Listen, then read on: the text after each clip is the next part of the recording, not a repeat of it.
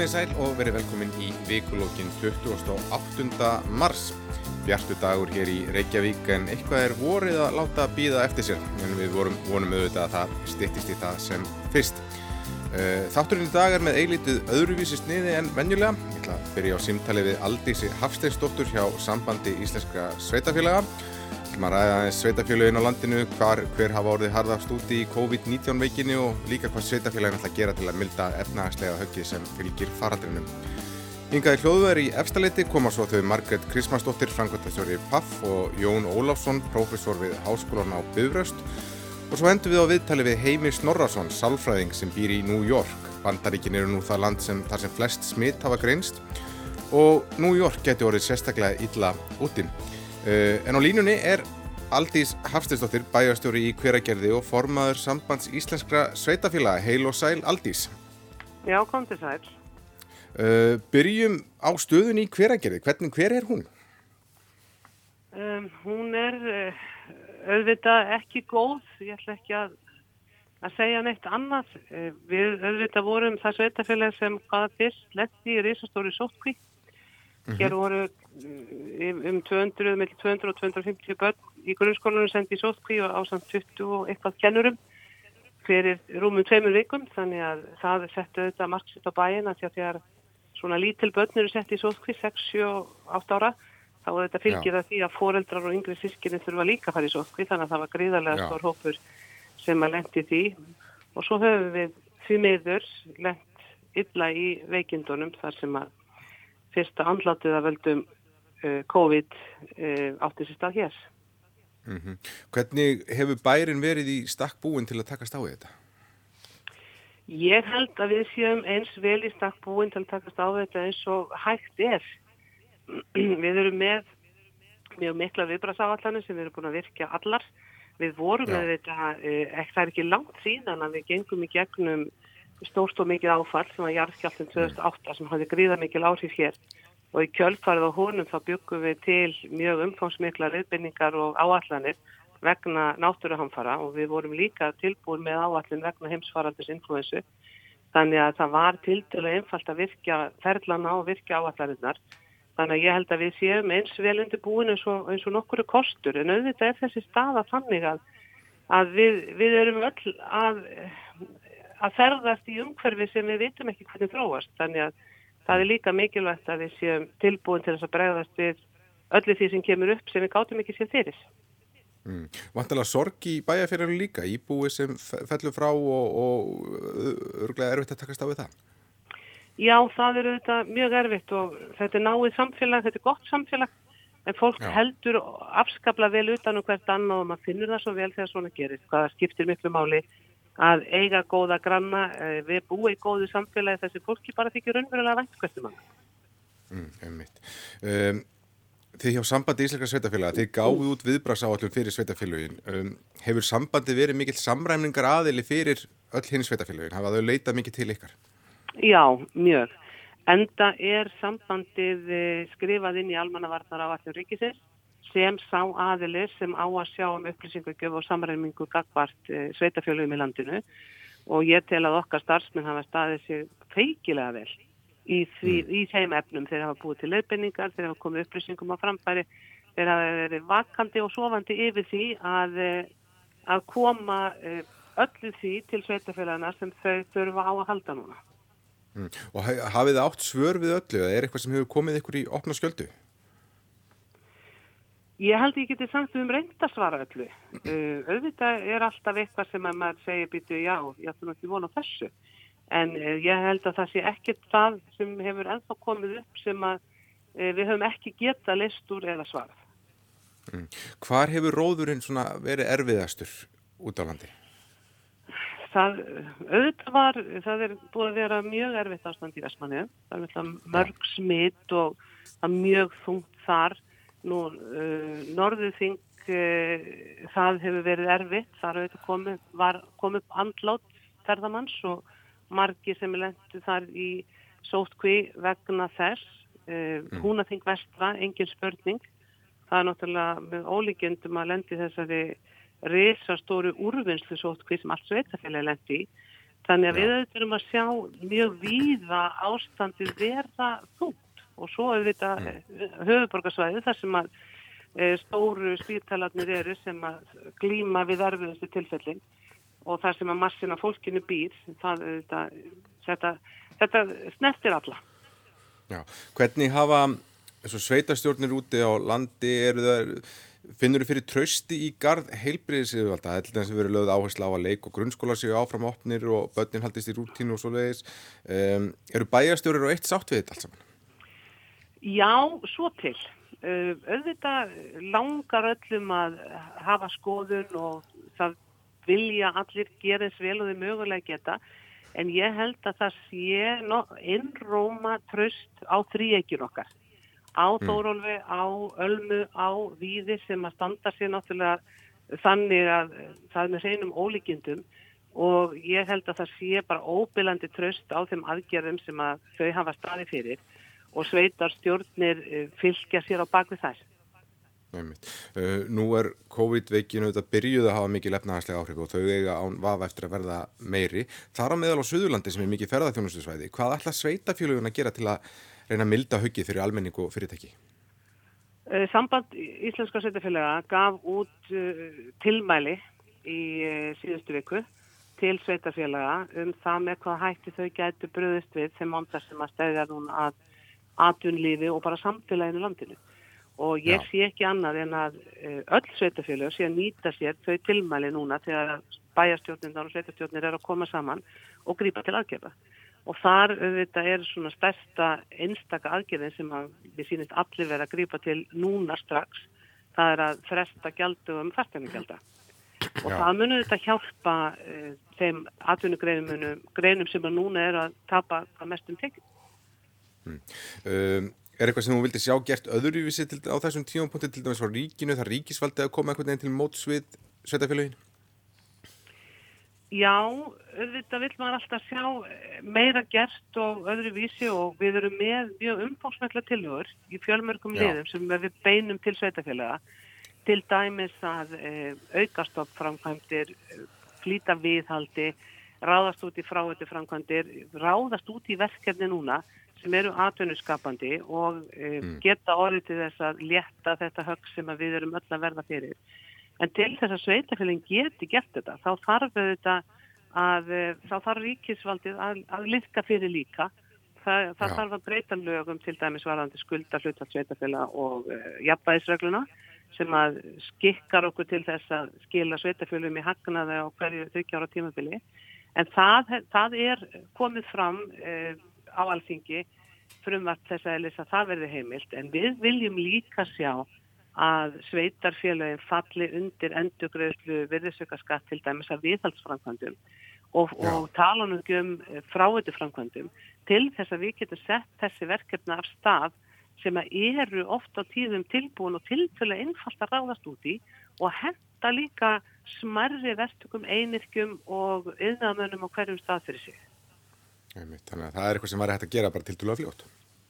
Já, svoleiðs breytinga að hleypa sveitafélagunum með í endurgræslu verðisökkarskatta viðhalsfangandum myndi hafa mjög mikil áhrif hringin í kringu landi og myndi nýtast svo mörgum og það myndi líka nýtast auðvitað einstaklingunum því að við erum að sjá það líka framkvæmdið dragast mjög hrætt saman hjá bara fólki almennt þannig að það þarf að hvetja til þess að við höldum áforma framkvæmda og þar eru sveitafélagunum auðvitað fremst í flokki vitt og breyttum landi. Mm. Um, Hveragerði hefur orðið bísna illa úti og margir vextar og verið í sótt kví en hvena sjáu þið fram á að sjá fram úr kófinu getur við sagt? Ég vildi óska að ég geti sagt það ég það, bara veit það ekki vonandi sem fyrst en um, ég alltaf aftur á móti að um, sko, ég held að Alma hafa orðað þannig og mér finnst það svo gott sko, við búum okkur undir að versta en við vonum Já. það besta Og svo er líka svo gott að muna að, að þetta ástand er ekki viðvarandi. Þetta mun líða hjá og við munum eignast venjulega tilveru vonandi innanskams. Og þá þurfum við, bæði sveitafjölu og ríki og samfélagið allt, að hafa uh, unnið okkur þannig út úr þessu að við berum ekki viðvarandi skafa af. Mm. Ágitt lókar, kæra þakki fyrir spjallið Aldís Hafstinsdóttir bæjastjóri í hveragerði og formaðar sambands íslenskra sveitafélaga og hafði á gott. Takk sem leiðis. En hingað í hljóðuveri Andiri efstaliti nr. 1 eru komin þau. Margret Krismansdóttir, frangværtastur í FAF og varaformaði viðskiptar áðs, ekki satt? Það passar og, og Jón Ólafsson, professor við Háskólan á Bifröst. Reyndar ekki á Bifröst, ég er búin að vera í Háskóli Íslands í allum örg ára. Afsaki, ég er hérna... Það var einu svona Bifröst. Já, hérna slóð saman hjá mér. Uh, það eru líðan tæp, tæpart tvær vikur frá því að samkomum bann var sett á. Reglu voru hertar núna í, í byrjun þessari viku. Uh, hvaða áhrif hefur þetta haft á daglegt lífi á ykkur? Já, uh, hjá mér náttúrulega bara það er að, að hérna, maður er komin aftur í fjarkjænsluna sem maður stundaði aldrei mitt upp á byggrast og það er að mörguleiti bara skemmtilegt. Um, það er að við sem er skrítið ástand í háskólanum að, að, hérna, að það er engin nefnendur þeir eru, þeim er bannað að koma í byggingarnar og, og stjórnsíslan er svona meira og minna lokuð inni og skiptist á að vera á sínum stað. Ég er sjálfur í nýju húsi sem heitir Veröld og, og er þar daglega sjálfur en það eru mjög fáir í húsinu. Já, Margreit, hvernig er daglegt líka þér? Já, það sem hefur eiginlega breyst hjá mér er það er að við skiptum fyrirtækinu upp þannig að hluta okkar fór heim og er í fjárvinnu og hérna ég er eina þeim þannig ef að kemur smit í fyrirtækinu og það gætu við hinn eh, komið inn á völlin mm og hérna og þetta er náttúrulega svolítið skrítið og þetta á ekki vel við mig mér finnst ekki gott að vera svona mikið ein, heima hjá mér, ég vil vera úti og hitta fólk og, og vera með mínu fólki þannig að þetta er skrítið ja. og ég vona að hérna ég þurfu ekki að vera mjög margar vikur í viðbót svona heima hjá mér mm. Hvernig finnst ykkur yfirvöldum hafa tekist til í já, í viðbröðum við þetta Jón, þú hefur pælt mikið í trausti dæmis, sko. hvernig, hvernig hefur okkur reitt af? Já, sko, það er náttúrulega bara mjög áhugavert að sjá einmitt uh, hvað uh, traust fólks á stjórnvöldum reynist vera mikið hér þegar áreinir mm.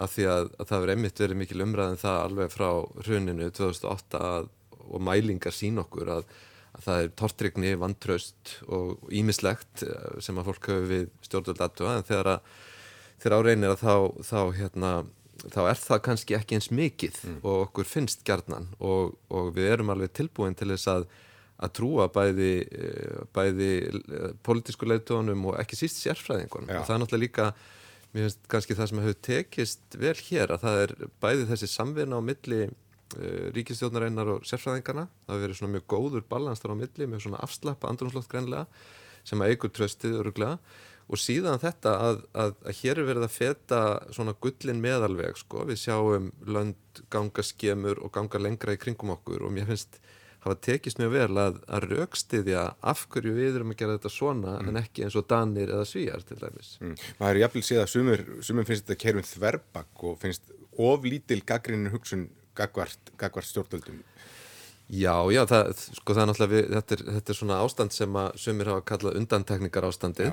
Þar sem að, að við sjáum með mitt að, að, að stjórnvöld hafa mjög ríka ástæðu til þess að sko íta til hliðar hinnum venjulegu lögum og reglum en við sjáum þetta á báða vegu þar annars vegar, annars vegar er það fólk sem að krefst þess að það sé gengið miklu lengra mm -hmm. og það sé bara hérna fólk sé bara sett í uh, útgöngubann nánast sko, maður sér þær rattir og svo eru hinnar sem, sem að finnst að það ætti að slaka mikið á, það var hérna mikið heilbriðis eftirlitið á um daginn að gera aðtöðasendu það að fólk verður að keira vörur út um allt með ólögulegum hætti mm. og þá er það margir mjög nextlaður á því ja. eða eins og, eins og þegar Kári Stefánsson fór á stað með sína skimun að þá er hann, hellir hann sér yfir þá aðila sem að undir venjulegum kringumstæðum eiga að, að framfylgja mjög mikilvægum persónuvendarreglum og svona þannig að við sjáum þetta alveg báða vegu sko að það er bæði ætlast til þess að það sé gefinn slaki en það er líka verið ætlast til þess að að stjórnvöld bara hérna, neglið þetta og bara festi alla í, í,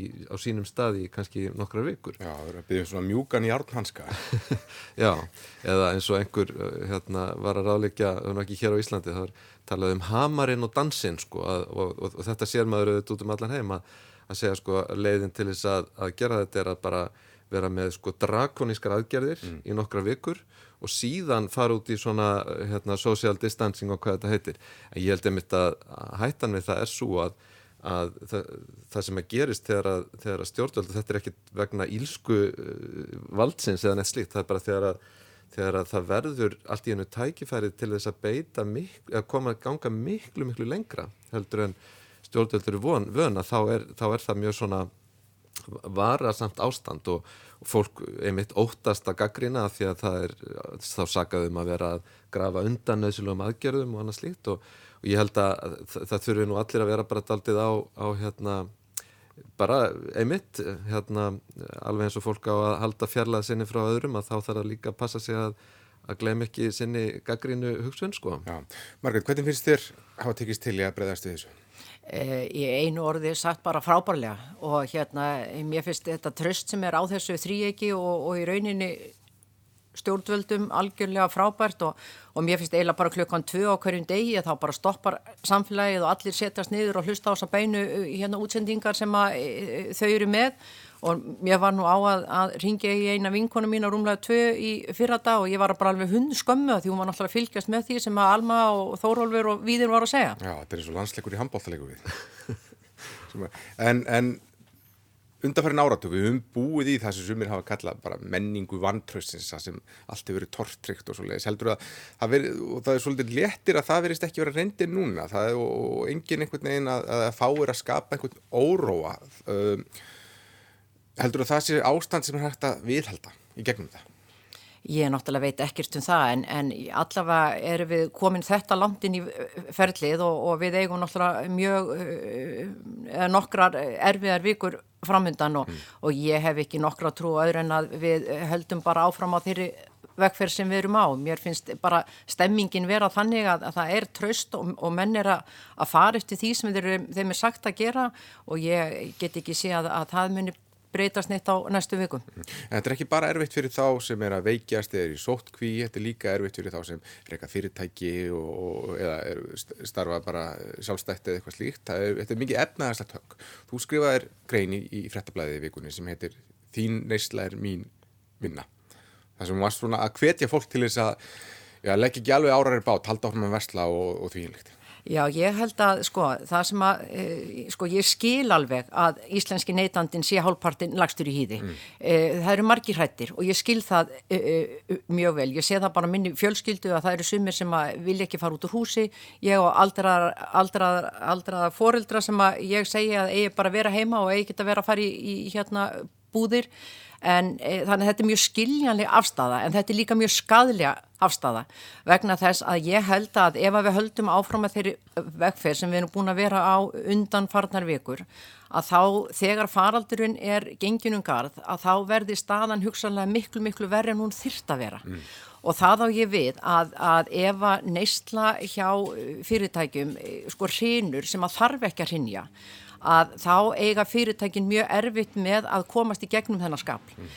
Jafnvel þó að ríkistjórnin sé öll að vilja gerð og, og þú getur sett þitt hérna, starfsfólki 25% hérna, hérna hlutfall að þá eins og þú heyrðir áðan hjá hérna sveitarstjórnamanninum, henni Aldísi, að þá er verið að fresta, það er verið að fresta greiðslum, það er verið að veita fólki brúarlán, þannig að, að, að það er ekki verið að fella nýtt niður. Nei. Þannig að ef að þetta verða mjög margar vikur, þar sem að fyrirtækin hafa mjög litlar tekjur og það býður þeirra skapl af hérna reikningum þegar hérna veiran er farin framhjá, það munum mörg fyrirtæki bara henda inn hvita hangklæðinu og, og bara leggja árar í bát og það er það sem er svo hættulegt að við erum kannski að láta fyrirtæki sem annars hefði ekki þurft að fara í þrótt, mm. fara í þrótt og það sem er mér þykir eiginlega vest er að eh, það vinna svo margir hjá þessum fyrirtækjum þannig að við erum náttúrulega bara að skapa meira atvinnleysi en þyrst að vera. Einmitt, er, við, við, við, við búum í neyslusamfélagi það sem mjög mikið gengur, mjög stór hlutur atvinnlýsins gengur út á bara veslun og þjónustu og kaupa, kaupa á, á því um, en það fór, ég tók eftir að þessi grein fór öfugt ofan í suma sem sögðu, herru, við erum, við erum búin að koma, koma í, í bara plánitinu og kaldan klaka með ofneyslu og nú ættum við bara að nota þetta sem tækifæri til þess að draga hans í land aðeins að bara endur hugsa hvernig við gerum hlutina er, er þetta eitthvað sem fyrirtæki ættu að hugsa hvernig, hvernig getur við gert hlutin öðruvísi? Ég er alveg viss um það að það sem munir koma út úr þessu eru, eru góðir hlutir vegna þess að ég held að núna bara strax erum við að sjá það að, að hérna, mikill hluti starfa er hægt að vinna heimann frá sér mm. þannig að við sjáum það þegar við erum að keira í vinnun á mótnana að að við getum bara komist fljótt og vel í vinnuna öll þessi bílaumferð Eh, ég held líka eitt af því sem verður er að, er að opnunatími Vestlana mun mjög líklega að breytast. Hann er búin að minga núna töluvert og, og ég held að við sem erum að reyka Vestlun muni sjá það að að við komumst vel af án þess að vera með svona langan opnunatíma og það var nú einn vinkonu mín sem saði sko, makka er þetta ekki bara karma? Og ég held að þetta sé mörguleiti karma, það er bara náttúrann sé svolítið að svona taka í nakkatrampið á okkur. Og uh, þegar upp er staðið þá munum við vonandi ekki fara í sama farið vegna þess að við meigum það ekki, vegna þess að við vorum á leið fram uh, sem bara samfélag fram að hengiflugi. Mm. Þannig að ég held að þetta sé svona lærdomskurva líka sem við erum að fara í gegnum, þannig að vonandi munum við komast hratt og vilja í gegnum þetta en það sem að tekur við verður ekki nákvæmlega það sama og við vorum í áður en þessi veira komið. Þið eru nú farin að breyðast við þessu með að taka við, við gömlum saumavelum og því hún líka ekki sett. Jú, heyrðu við ákveðum það vegna þess að við vitum það að bæði Rauðakrossin og hérna hjálparaðsherinn hafa verið með svona stóra sali þar sem að þau hægir að taka móti svona alls konar fólki, flótta fólki, hælisleitundum þar sem að þetta fólk getur komið saman og hist og, og þar er þetta fólk meðal annars að, að hérna sauma. Og það sem að gerist núna með þessu samkomiðbanni að nú má þetta fólk ekki koma, koma saman. Þannig að okkur þetta í hug líka vegna þess að það er minna að gera á verstaðin í okkur mm. að nota þennan tíma og líka allir eru heima það er allir að taka til í skápum og allt saman að fólk getur komið gömlu vélanda til okkar við hreinsum þær, smyrjum þær komið þeim í lag og förum með þetta í Rauðakrossin og hjálparaserinn og þeim, þau síðan dreifa þessu til fólksinn sem að situr heima og hefur kannski ekkert að gera Jón, þetta er við erum á þessum tímum þar sem það er orðið bara borgarlega digð að, að til búð og kaupa Já, um, ég held nú kannski að það er einmitt uh, bara það sem er svo áhugavert að hugsa um núna er, er hvernig hvaða sagt, langtíma áhrif mun þetta hafa á okkar lífsstíl og nestlu og annað slíkt. Og, og auðvitað verður þetta ekki sársöka laust sko, ég held að það sé alveg, alveg klart mál og það er, það er fullt af fólki sem að mun þjást út af þessu, við vitum það. Þannig ég held að kannski forgánsröðunin sem að, sem að maður á eftir að sjá skipti hans í miklu máli og maður sér að það er alveg byrjuð svona tókstreitan í því, ég meina við, við, við erum með mjög svona hráan kapitalism á Íslandi ég meina við sjáum hérna fyrirtæki sem að sem að fara bara alltaf sínu fram sko. það var eins og, hérna í, eins, og, eins og bankarnir okkar í hruninu og við sjáum samherja í dag sem að, að, að náttúrulega hefur, hefur svona uppvækið ansið mikla nexlunni í samfélaginu með mm. sínum alltjóða hérna, við skiptum sko Þannig að, að auðvitað á, á eitthvað eftir að hérna, láta undan. Þannig að ég held að, sko, að forgánsröðin, mér finnst þetta aldrei mikið spurning um forgánsröðin að sko, hvernig stjórnvöldum tekst að gera það algjörlega skýrt að það sé fólkið sem að kemur nummið reitt, fyrirtæki nummið tvö. Því að, meina, í rekstri viðskiptalífi fyrirtæki kom og fara, þau fara á hausin og svo framvegist að gerast allir fjandin. Það er ekki træðilegt. Hérna, eitt, eitt fyrirtæki fyrir á hausin, annað kemur upp. Það er allt annað þegar persónuleg gjaldþrótt eh, setja svipsinn á líf kannski þúsunda eins og eftir hunnið. Og ég held að það sé voðalega mikilvægt sko þegar það er hugsað um aðstóð við atvinnulífið, aðstóð við fyrirtæki og svo framvegis að það sé alveg klart mál að þetta snýst um uh, vinnu, þetta snýst um tekjur, þetta snýst um að einstaklingar missi ekki sína regnir eða mm. húsnæði verði ekki gjaldróta, þetta snýst um að, að, hérna, að börn fær ekki illútur því og svo fræðist, þannig, þannig að mér finnst mjög áhugavert að sjá núna eins og bara í þessum uh, hérna, kommentum á nýjasta frumvarpið sko, að, að þá er mitt svona spyrmaðu sig sko uh, hérna, þurfu ekki stjórnvöld að bara sína ákveðna festu sko, nú sér maður eins og í bandaríkjunum að það getur, geta stjórnvöld bara skipað General Motors að framlega öndunavjala eins og ekkert sé. Uh, þetta er einlega gjörsamlega óhugsandi í íslensku samfélagi að, að stjórnvöld getur bara skikkað hérna Eh, fyrirtæki til að gera eitthvað mm. en, en í rauninni þá við svona aðstæður þá kannski þyrti það að vera hægt mm. uh, Margreit, þú ert varaformaði viðskiptaráð svo viðskiptaráð það gerði uh, skrifaði umsagnir um, um þessi frumverðar ríkistjórnarinnar um að grípa til aðgerða og þar kom meðal annars frá að fram að það var líst yfir miklum vombriðum eða ekkert hefði heyrst frá stjórnvöldum um stórfalda lækkun starfslutfalls og, og tímabundna kjaraskerðingar og ofinbæra starfsmanna og samtöku aðtunulífsins er á sömunótum og vilja að þessi gerð hagraðinga krafa á ofinbjörnastofnunur. Uh, hvað, hvað væri unnið með þessu á þessum tímapunkti? Já, það er nú kannski, eh, aðalmáli er nú kannski þessu, er að, að eh, ofinbyrri geirin er ofta að bera sér saman við enga geiran, mm. að eh, vilja hafa sömu laun, finnst enga geirin alltaf verið með svo há laun og miklu harru laun mm. og síðan þegar svona sko hrun gengur yfir, Já. Að þá er það enga geirin sem er að fara mjög illútur fyrirtækin að fara í þrótt, fólk er að missa vinnu, fólk er að fara í skert starfslutvöll en allir ofinberi geirin, hann heldur sínu. Mm. Þannig að mér finnst stundum sko þú getur ekki bæði sleft og haldið.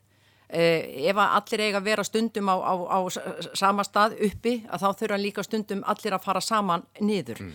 Þannig að mér myndi bara sína, mér myndi bara finnast að sína svona bara hérna, viðletni til þess að að, sína svona skilning með stöðinni að, að þeir ofinböru starfsmenn sem eru vel launadir og mjög margir ofinböru starfsmenn eru mjög vel launadir að þeir geta alveg sínt fordæmi á því að, að skerða hjá sér sínar tekjur.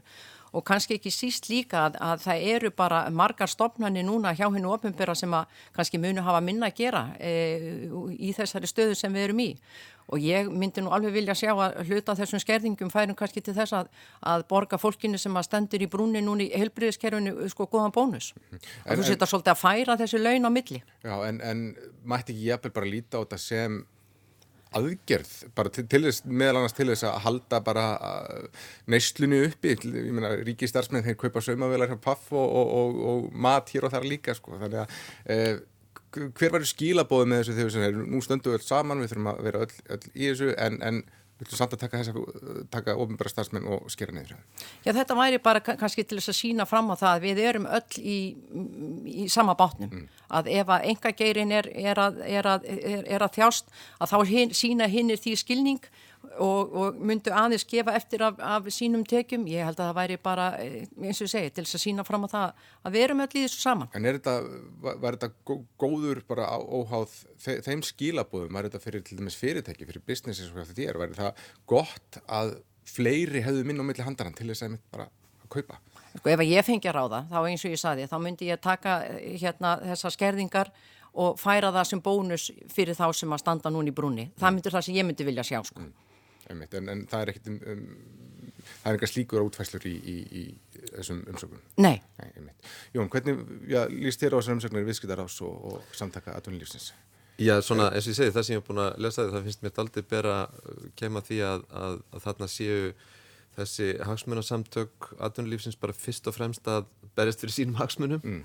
og, og ég kannski ég, kannski það er ósköp eðlilegt sko, ég hef sjálfsveits engar aðtóðsendur við það en en mér finnst kannski að, að, að stjórnvöld, sko það reynir aldrei á stjórnvöld emitt að, að sína þessi rétt forgámsöðun og, og ég minna aðgerðir sem að skerða tekjur einshóps til þess að umbuna öðrum eru alveg rosalega erfiðar í framkvæmt og það er voðalega erfitt að sjá fyrir sér að, að slíkt sé mögulegt án þess að, að það leysist allt upp í, í deilum og vittlis og það var náttúrulega bara verð af staðfærðin heima setið eins og maður segir. Ég held kannski að sko, það eru uh, hérna lærdómar hérna frá síðasta síðastu kreppu sem að ég held að, að stjórnvöld kannski sé að einhverju leiti búin að átta sig á og það, er, og það hefur með gagsægi að gera mm. uh, ég held að sko eftir hrunið og við sáum þetta kannski fyrst og fremst í æsefmálinu að þá heldu pólitíkusandaldi bara áfram eins og áður með sína svona uh, sínt baktjálta bakherbergi og leinimakk og og það er held ég partur á ástæðinu fyrir því að það reyðin einhvern veginn hún bara magnaðist í samfélaginu mm. eftir geysilega mikla samstöðu fyrstu mánuðin eftir hrunnið. Það var engin að saga neitt um neitt nema kannski bankamennina hérna í oktober 2008 og núna þá held ég að, að menn hafi kannski átt að segja á því að, að það er alveg geysilega mikilvægt fyrir svona viðvarandi tröst og ég tala nú ekki um að fólk vil reyna að halda þessum góðu svona výbrum sem að hafa skapast út af eh, ánægi með aðgerðina núna að, að geta sko fundið, eh, og núna tala maður þetta aldrei svona abstrakt sko, en fundið svona rétta balansin í því eh, hvernig er hægt að endurdreifa fjármunum í samfélaginu eftir að þetta er gengið yfir mm -hmm. til þess að, að draga úr skadanum fyrir alla en þá myndi ég segja, þá verða líka fyrirtækin að vera með þá reynu að, að það er fólki, það er almenningur sem að þarf að vera nummer eitt, mm. ekki þau Nei, en eh, Margret bendi þó að rí, ríkisregsturinn, hann hefur bólnað alveg svona sæmil út eins og bara laun ríkisforstjóra og kannski millistjórnund og þess að þar og er þá ekki eðlilegt að þessum um, að, að þeir sem leiða, þeir sem eru, eru í fórustu á hverju vinnustaf þeir stýði fram og segja við, við, við erum auðvitað með í þessu við, við þurfum að taka okkur einhverja launanlækkanir og tíðinlíkt. Já, ég, það, ég sé ekkert að, ekkert til fyrirstöðu að fólk afsæli sér launum sjálfveljútt mm. ef að það er samstæðan það, það er auðvitað bara getur verið mjög hérna, fallegt að sjá það gerast en ég er ekkit vissum að það sé bara orðið eh, algilt í ríkiskerfinu að ríkistarsminn hafi eitthvað rosalega góð laun mm. vissulega hefur hérna uh, toppum í kerfinu uh, inn í ráðuneytunum og inn í, inn í hérna, stofnunum uh, þeirra lögin hafa hækkað mjög mikið og ég menna það er mjög ólíku saman að jafna núna fyrir tíu árum í þeim efnum en ég, ég hef ekki kannski hef ég rænt fyrir mér en ég hef ekki á tilfinningunni að þetta gildi almennt um starfsmenn hjá hann ofinbera. Mm. Nú vil ég kannski aðeins að benda því að, að sko, starfsfólk núni í enga geiranum það er ekki að afsala sér launum sjálfviljum. Það er verið að setja það á skert starfslutvall mm -hmm. sem að þýðir bara sko launalækkun mm -hmm. og það er engin að gera þetta því hann vill það endilega skiluru en það er að reyna að hjálpa fyrirtækjunum sínum að komast í gegnum eh, komandi vikur. Mm. Ja, þetta er náttúrulega er, eru mjög sérstakar aðstæður, þetta er ekki út af efnahagshörmungum sem, sem hefur verið að gera þetta, þetta er, þetta er heilbriðis, þetta, þetta er heimsfaraldur og það er tímabundið ástand þannig að það má ekki búast við að þegar honum líkur að þá til dæmis þá verður þjónust að þessara ríkistofnuna þessi svo vinna, hún fer bara í samt lag aftur þannig að er þá jafn mikil þörf á niðurskurðunum og, og ég væri eðla Nei, alveg öruglega ekki. Ég er að vona, eins og segja, við eigum, sko, ég er að vona að það sem að Víðir sagði, að við munum hérna fyrstu helgin júli farið út saman og grilla. Mm.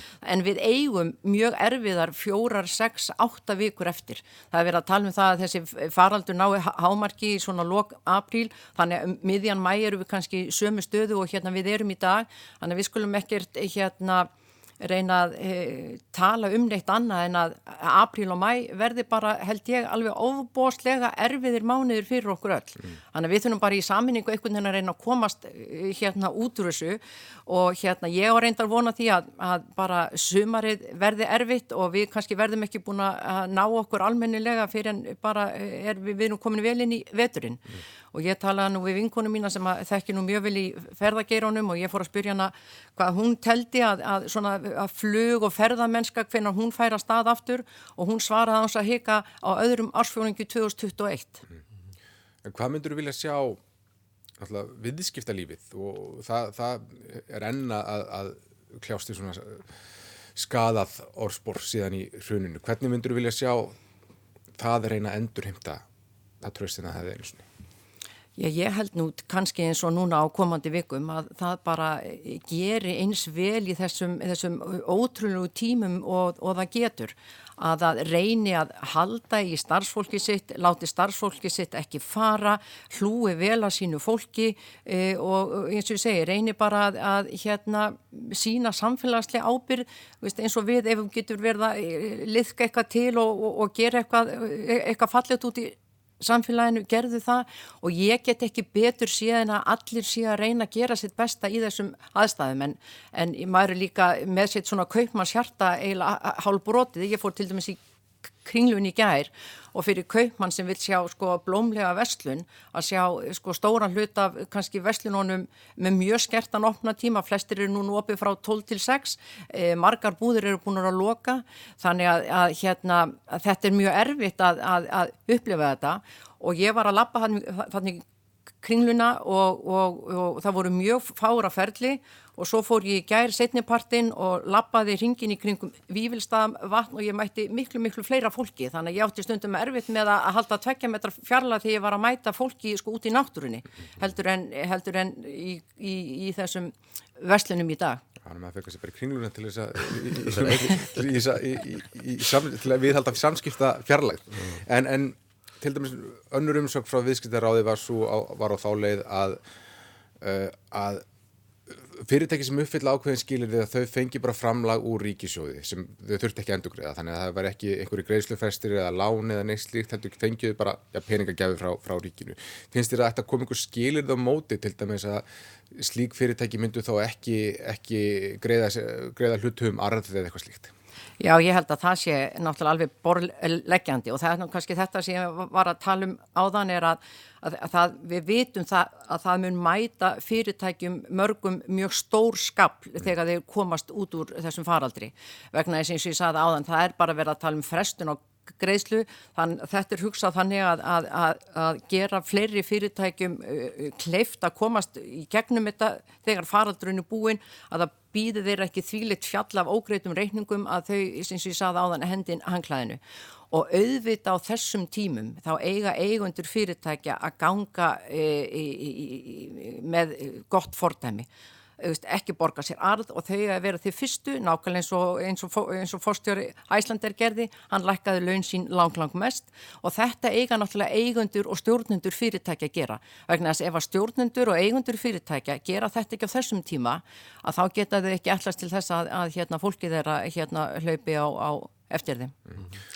En það kannski hérna Um, það, það er svona oft, oft talað um sko hvaða, meina, hvaða sjónamiði ég er á það í hérna hvort að það er sko siðfræði réttlætisins eða nýtseminar en, en það er svona daldið kannski þessi siðfræði umhyggjunar sem að kemur upp núna að, að það er ekki verið að það, það, er, þetta það þurfa að taka á vanda hvers og eins en auðvitað sko þá er líka eru fyrirtæki auðvitað eins og einstaklingar fyrirtæki eru vantanlega misvel búin undir svona ástand mm.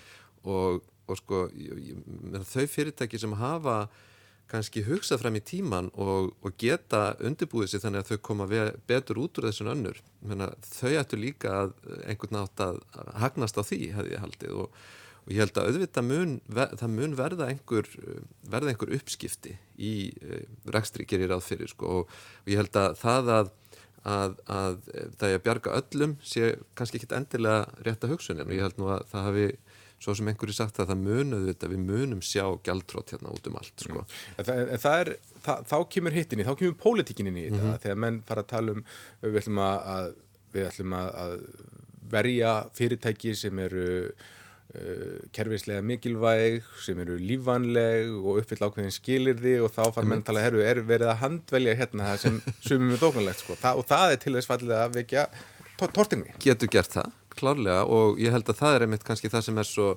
verður svo flókið í framhaldinu. Það er að, að stjórnmálamenn þurfa að taka ákvarðanir af þessu tægi þeir þurfa að, alveg eins og læknarnir gætu lendi því að þurfa að ákveða hverjum er að sinna og hverjum ekki.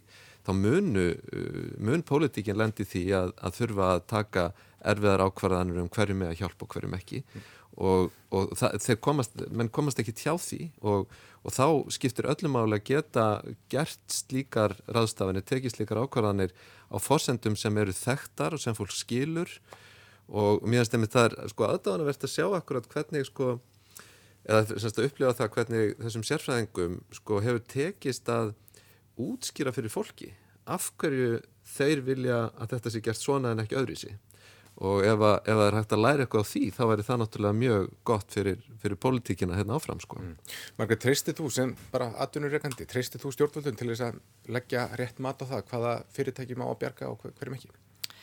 Æjá, verður maður nú ekki að gera það. Ég svo sem eh, hef ekkert stórar eh, skoðanir á þessu en ég held náttúrulega bara aðalega það sem að þarf að gera á svona tímum að, það, að leikregluna þurfa bara að vera skýrar, það verður að vera gagsægi, þú verður að átta á, á, á því ákverjar vera að taka þessar ákvarðanir.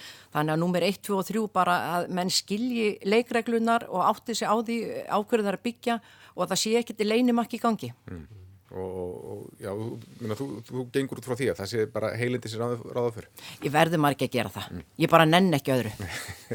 En við lifum, við erum hérna á þetta eru sögulegu viðbyrju sem er, að eiga sér stað. Og við erum að bregðast við hérna dag frá degi. Maður á veit ekkert hvernig staðan verður í, í næstu viku. Við veitum ekki hvernig hlutin er eftir að spilast í bandaríkjunum. Afríka er eftir það sem eh, er bara líklegt að það sé einhver eh, rillingsmynd að teiknast upp þar. Eh, við stöndum kannski fram með fyrir bara gjörbreyttir heimsmynd eftir örfá mánuði. Já. Erfitt að hérna, spá um það. En ég verða að segja, ég mér finnst bara afskaplega erfitt að gera með nokkra grein fyrir því hvernig þróunum verður. Ef við horfum á, á þessar tölur eins og bara atvinnuleysis tölur í bandaríkjónum þar sem að 3,3 miljónur manna sóttum atvinnuleysisbætur í síðustu viku mm. þetta eru, eru 7-8 sinnum fleiri heldur en sóttum slíka bætur á verstu tímónum í kringun hrunni 2008 Já. og, og þannig að við erum að sjá uh, hluti sem að, að er ekki nokkur leið átt að sjá hvernig muni, hvað áhrif muni hafa og hversu, minna talandum skell efnahagslífsins sko minna það geti alveg, alveg hæglega gæst að þessi skellur verði miklu stærri og áþrifanlegri fyrir allan þorra fólks heldur en sko bankurunni var á sínum tíma. Mm. og miklu meira atvinnuleysu hugsanlega ja. til lengri tíma og, og svo framvegis og, og, og hérna já.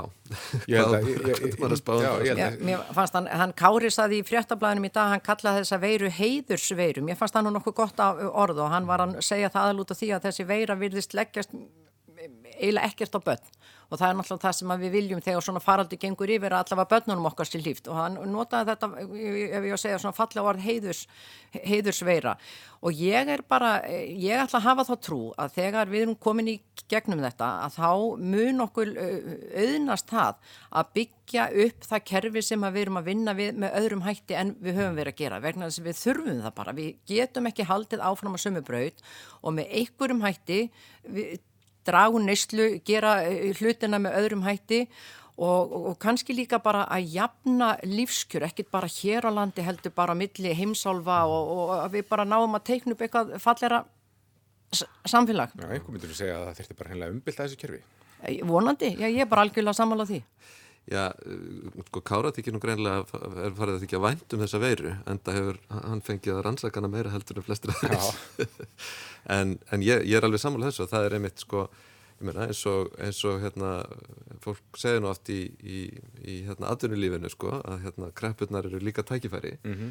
og, og, og það eru þetta, sko, ef er hægt að nýta þetta tækifæri og þá, en þá þarf maður auðvitað að sjá sko Um, sko það er fallegt að sjá þessa samstilling og samstöðu samfélaginu núna en, en eins og ég segi sko ámaður eftir að sjá það gerast að ólíkir hagsmunahópar geti uh, unnið saman geti sko afsala sér sínum hagsmunum á mót einhverju öðru Menna, þetta sáum við ekki eftir hrunnið, bara alls ekki. Erum við ekki líka að horfa upp á það núna að það eru nokkur veginn allir hagsmunahópar á landinu núna að skrifa einhverju umsagnir og aðtöða hvernig, já, hvað þeir, þeir geta fikið út úr þessu? Já, já, það, En, en einmitt í, í hrununni, í, í miðjurhrunni, þá, þá, þá voru kjötsúpu fundir heima á fólki og það var nýja Ísland og fólk var farið að hafa stórar hugmyndir uppi og einhvers svona bjart síni inn í þessu öllu en það kóðunaði einhvern veginn allt niður. Ekki, má búast við að það verður undir núna? Já, sko ég er ekki farin að sjá uh, pólitísku mobiliseringuna í kringum þetta, mm. ekki þetta græsótastarf sem að byrjaði bara sko sam, samstundis. Já, það er náttúrulega erfitt út á samkominn banni. Ja. Já, vissulega, en það er náttúrulega, það er ekki samskiptabann Nei. og það eru miklu samskipta möguleikar. Sumir eru í meiri samskiptum uh, hérna, í dag heldur en þeir eru kannski venjulega. Já og, og hérna þannig að það er ekki, það er engin, engin hörgull á því, það er fólk, er að, fólk með, við erum með félagsmiðla og fjölmiðla sem eru alveg á, á fullu spani en, en það er ekki sko, ég held kannski að, að hérna uh, sko það er líka búið að vera mjög mikið svona Uh, hvað maður segja, svona græsrótastar til dæmis í kringum stjórnarskramálinn, mm. það er stór hópur af fólki sem hefur haft mjög mikið áhuga á því og hefur orðið fyrir miklum vonbriðum með hvernig það mál fór á sínum tíma og, og það eru fleiri hlutir sem að, að sko, ég menna, kannski er þetta að taka upp aftur á nýjum fórsendum en það gerist öruglega ekki fyrir en svona, fyrir en fólk er komið í gegnum þetta, þetta er daldið daldið núna, minna, fólk er bara daldið einhvern veginn finnst mér að upplifa Já, sko. við erum bara að díla við þetta Já, Já. Áttu vona okkur svona að verða eitthvað gergjum sem komi út úr þessu? Já, vonandi og það er líka það sem mun kannski gera okkur gott í, í, í þessari kreppu er að í, í þessari kreppu höfum við allavega þá ekkert æsef til að rífast um. Nei, vonandi ekki, sjáum hvað kemur. Já, um, ég ætla að fara að, að segja þetta gott hérna með ykkur, bara kannski réttundur lókin, hvað hva ætlaði að gera um helgina? Er, er eitthvað sem getur gert?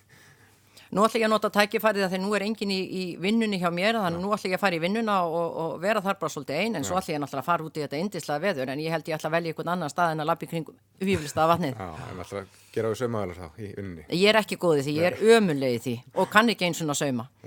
Uh, Jón, hvað hva stendur til á þér? Já, það eru mjög, mjög fallega áform um, um, hérna, um þrif og tiltaktir heima hjá mér og svo líka að fara út í góðaðrið með börnin og viðra þau. Já, það er mikil þar á því. Fallet viður og við vonum auðvitað að vonum auðvitað vorið fara að sína sig á, á næstunni. Kæra þekki fyrir komuna Margret Krismansdóttir og Jón Ólafsson heimsbyggingur og bara hafið það gott um helgina. Yes.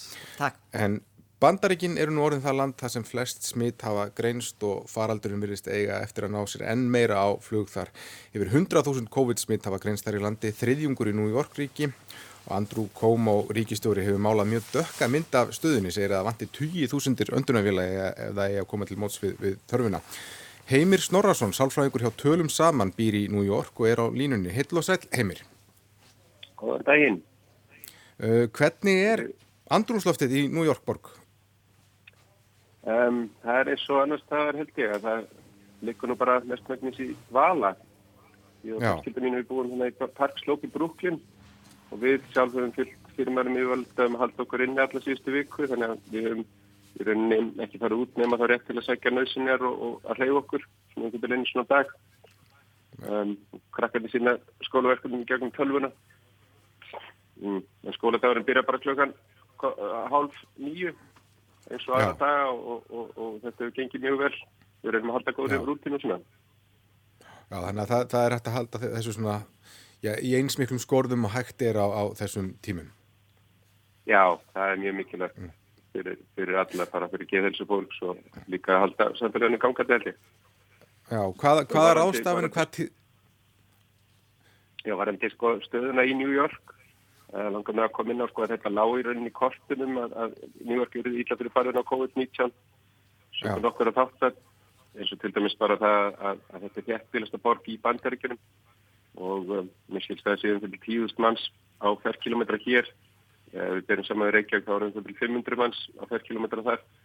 Sem við leiðist að ferðast New York búar mikið með neðaralestum og almenningssamgöngum þannig að fólk er í miklu nánd alla dagar einnig er, er New York borg um, svo borg sem mest er heimsótt á heimsvísu. Um, þeir sem koma hérna frá útlöndin þeir koma fyrst í gegnum New York í flestum tilfellum þessum bandarækjumenn ferðast mikið til, til, til New York salfur þannig að þetta er svona ákveðin svona suður pottur. Þetta, þetta verður svona já, svona brennibúntur fyrir, fyrir, fyrir svona dreifingu Já, og hvernig gengur þá New York búum að bara hlýta tilmælum um að vera heima á þessu þetta? Til dæmis þegar þið farið út í búðu að kaupa nöðsynjar, eru fáir á ferli? Alveg gríðarlega fáir, sko. Ég, ég var að koma sér eitthvað samingi, sko, að horfa hérna út uh, á hábjörnum degi en eins og að horfa mm. á, á, á götu í Reykjavík á Jónsmessu nótt klukkan 5 á mögni. Það, það er bjart en það verist allir vera svoandi. Um, þannig að, að, að það eru tveir metra á milli fólks allavega hérna í mínu hverfi sem er til dælega svona velstætt og, og, og reglufast hverfi svona til dælega nálegt mann hættan mm. um, já, þá, þá séur maður ekki annað en að fólk fylgi fyrirmælum eins í kvívetna. Það er hleypt inn í búður í hollum og hérna já, fólk sínir, sínir bara mikla tillitsemi Já. Uh, Donald Trump bandarækjafórsiti, hann var sakað um að hafa brúðið seint við, við uh, þessum faraldri og já, hann hefur bæði verið gaggrindur og lofaður fyrir að láta efnæðarslífið hafa forgang fram meður heilbyrðismálinn. Hvernig er, já, hann, hann kannski ekki alltaf, hann, er ekki mjög vinsell í New York fyrir, en hvernig er, hvernig er stemningin í hans garð núna? Nei, þetta, þetta er Þetta er svolítið flókjum spurning, það er erfitt að svara henni, sko. þetta fer eftir inn á hvaða miðláðu ferð og við hvernig þú talar, en reyndar hér í, í, í Paksljópa sem ég bý, Ég hef ekki hitt en einustu mannesku síðustu þrjú ár sem sagði það var kositröpp eða stuðitröpp sem segði það. Og í Brúklinn öllu vann Hillary 80% aðkvæða 2016 og Já. það munir líka verið meiri í parkslóp hjá okkur. En þeir sem hafa haft að óbyrta á fórsettunum hunga til þetta, þetta ástand mun ekki breyta því fyrst í því sko. Nei, en, en, en almennt séð á feisturreili eins og fólk sé kannski minna að tjá sig á netinu og svona heldur náður og það er eins og fólk sé pinnlítið í vil ég síður rugga bátnum á þessum viðsögari tímum? Mm. og reyna að ganga í takt þess að það getur. Já, Andrew Cuomo fyrir ekki um? Já, ég ætlaði að segja bara sko að, að, að þetta hefur það hefur komið fólk í spánstur í sónu sko að miða við þá neikvæð umræði sem fórsetin hefur flotið, þá hefur hann þó hækkað í skoðanakonunum á landsvísu. Mm. uh, þótt hann hef ekki farið yfir, yfir hérna 50% enn sem komið er en það getur verið líka vegna þess að, að hann var að undirrita núna undirrita svona stimuluspakka upp á upp á 2 triljónir dollara sem ég skilst að séu hvað er það 280 miljónir miljóna íslenska króna. Og en svo er atvinnulistölunar enda líka bara mjög háttið þannig að það getur verið að það komi næstu skoðan Hann, uh, Andrew Cuomo uh, ríkistjóri New York, hann hefur málað mjög dökka mynd af stöðinu og segir bara að vantir hreinlega 20.000 öndun að vera til þess að breyðast við þörfinni. Stendur New York frammi fyrir neðar ástandi? Ég er nú þannig gerður að ég vil frekar forðast slíkt tal, svona almennt sér. Um, ég held að það hjálpi einhverjum að tala um neðar ástand þá nema þá að það komu um munni sérfræðingana. Um, hann, er að, hann er að berjast um gæðin við önnur uh, fylki í bandaríkjum, hann er að kalla þetta því alveikistjórnum stýji inn og, og styðji við ríkin almennt. Og við skilst að Trump hafi eh, undirritað lög í gæð sem, sem er unni sko fjóðnýta General Motors sem er stærsta fyrirtæki heims og bandaríkjana um að þeir framleiði öndunarvelar um, mm -hmm. en Þetta er, þetta er náttúrulega mjög, mjög erfitt ástand eh, samkvæmt mm. tölum þótt að ég verði lítið varðið í, í minni bygglega í hérna sko.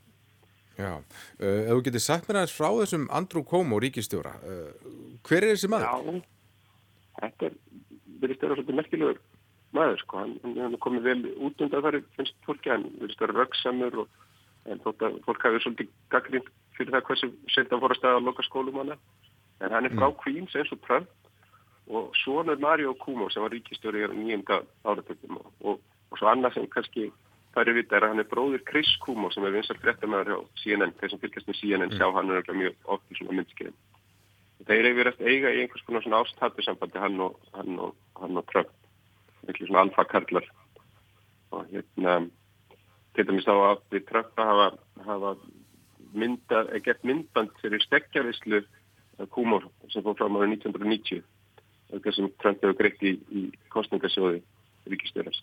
Þannig að þeir eru mm. svolítið svona bítast á um hver, hver, hver hefur völdin hérna og um, það hefur nú eitthvað verið sko fjallega um hann réttil takki við að, að bæten sem fórsetefni demokrata, þar segja að bæten þetta er nossið, en ég finnst nú líklega að það sé frekar þá ekki stuðningsmenn demokrata sem eru að, að halda þeirri kenningu fram.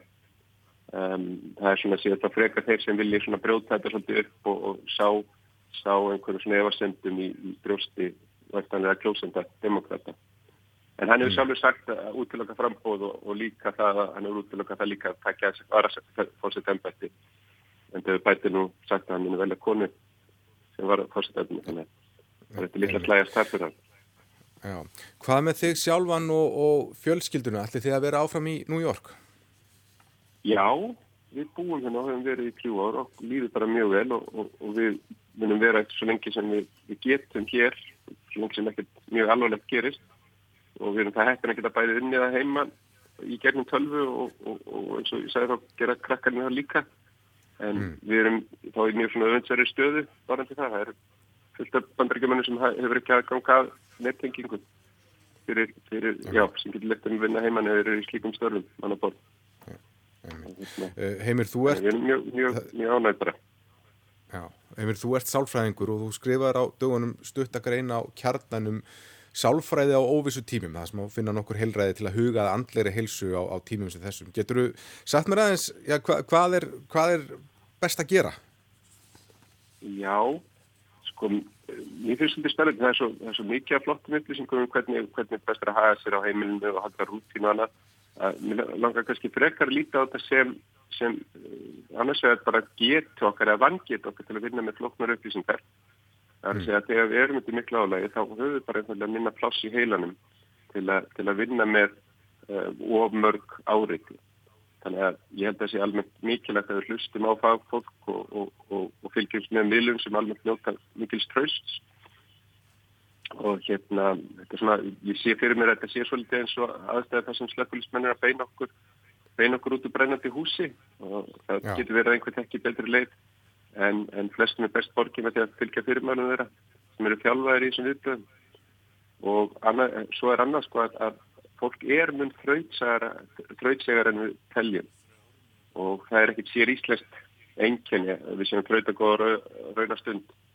Og við viljum kannski líka á þannig Um, við getum bara ímyndað okkur sko ef við færum alltaf í kerfi og allt brjálæðist í hvers skipti sem álag myndaðist, þá væri við lengur út þessu tegund. Þannig að fólk bregst almennt vel við undir álægi.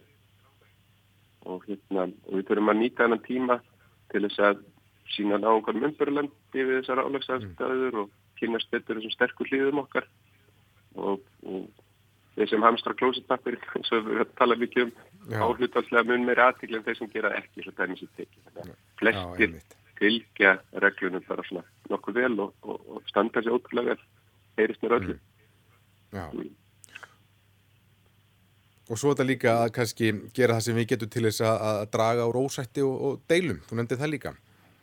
Já, algjörlega. Það, sko, þarna kemur nefnilega réttlætiskendir sem getur verið svo opbúslega sterk en hún getur verið svo blindandi. Um, sko, við, við gætum þurft að láta í minni pókandi skamstíma og, og þess og ef við tökum aftur klóstafin þá getum til þess að reynda að skilja bara þann sem hamstrar frekarna fordæmanlega og fólk hefur yfirleitt gild ástæð fyrir því sem það gerir almennt. Og þannig þá fækkar yfirleitt mikið fólks og, og, hjóna og við munum fækka öskurum og börnun okkar. Þótt þetta sjálf mjög eðlilegt að, að við getum komist í mikið uppnám og fara að garga og kóla við þessar aðstæð en við, við reynum að við reynum að draga úr því að við getum. Eh, það má þetta lesa þessa grein á kjarnanum. Uh, Sálfræði á óvissu tímum heitir hún eftir Heimir Snorarsson Kæra þakki fyrir spjallið Heimir Já. og heilsistyri og fjölskyldu vel út í New York. Já, þakka er innlega fyrir og gangi ykkur vel að heima. Þættinu með þá, já, takk, blessaður. Vikulókunum er þá lokið að þessu sinni. Við verum aftur okkar stað eftir viku. Bróðskum ykkur góðrar helgar og hafið það sem allra besti